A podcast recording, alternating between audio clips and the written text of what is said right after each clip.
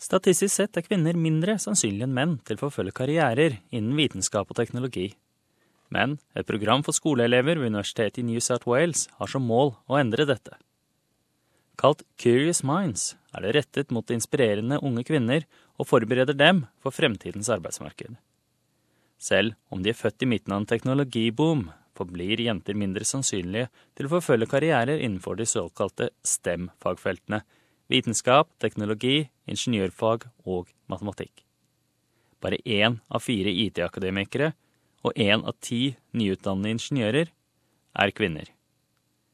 Førsteamanuensis Kelsey Dad sier en mangel på rollemodeller kan være årsak for mangelen på unge kvinner i STEM-feltene. Most of the academics, if they go to university, will be male. A lot of the other people that they'll be going through with in university are male. It makes it that little bit more difficult for the, the young women to come through and think that, yes, this is a field for me. Men et program i University of New South Wales har fokus på å endre dette. Kalt Curious Mind bringer det sammen ulike studenter fra regionale og urbane New South Wales for å lære om vitenskap og teknologi. Studentene lærer alt fra å styre en drone og til å prøve sine ferdigheter på 3D-printing. Student Eloise Dennis deltok i programmet og sier det åpnet henne opp for nye karriereveier.